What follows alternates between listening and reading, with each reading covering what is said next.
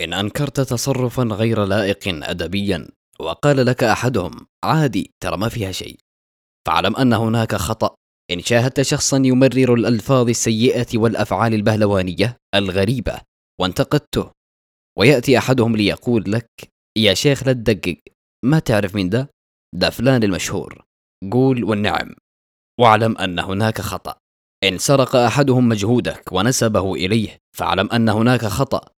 إن وجدت الأصدقاء يتقابلون بالدعاء على بعضهم البعض فاعلم أن هناك خطأ.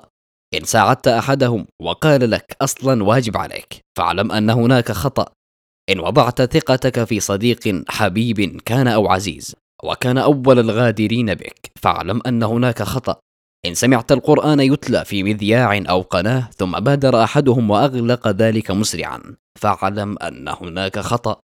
إن وجدت أحدهم يفعل بعض الذنوب ويحللها لنفسه برؤيته الشرعية. فاعلم أن هناك خطأ. إن أردت خدمة الناس وجاء أحدهم ليتهمك في نيتك فاعلم أن كلامه قد يكون صحيحا. وأن هناك أيضا خطأ.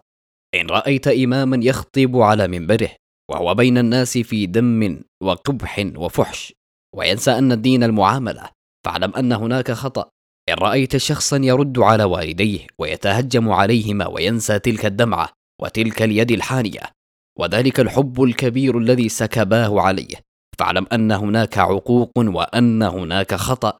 إن وجدت التعصب الرياضي قد تحول إلى تلك البيئة القذرة بمدارسنا وبلغ درجة القتل والدماء والأشلاء داخل المجتمعات.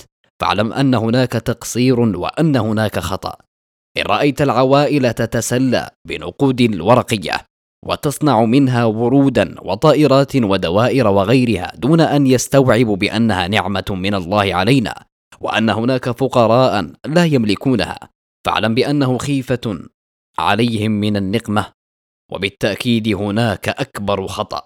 إن رأيت المسلم يقتل أخيه المسلم باسم الإسلام وهو يردد الله أكبر الله أكبر فاعلم أن هناك كارثة وأن هناك خطأ. وللتسلية إن كان هناك من تعلم عدم محبته لك وكرهه وفجأة قابلك بلسان معسول فاعلم بأن ليس هناك خطأ فقط بل إنها مصيبة. هناك أخطاء هناك تقصير هناك مصائب هناك نقمة وهناك عذاب. نجلبها لأنفسنا بأفعالنا وبلا مبالاة. نغادر فيها. ذلك الطريق الصحيح وتلك القيم الفاضلة وذلك الخلق النبيل الذي كان نهجنا ومقياسنا تسير فيه على نهجنا الأمم. أستغفر الله العظيم. اللهم اغفر لي ولوالدي وللمؤمنين والمؤمنات والمسلمين والمسلمات. وأستغفر الله. مقال هناك خطأ.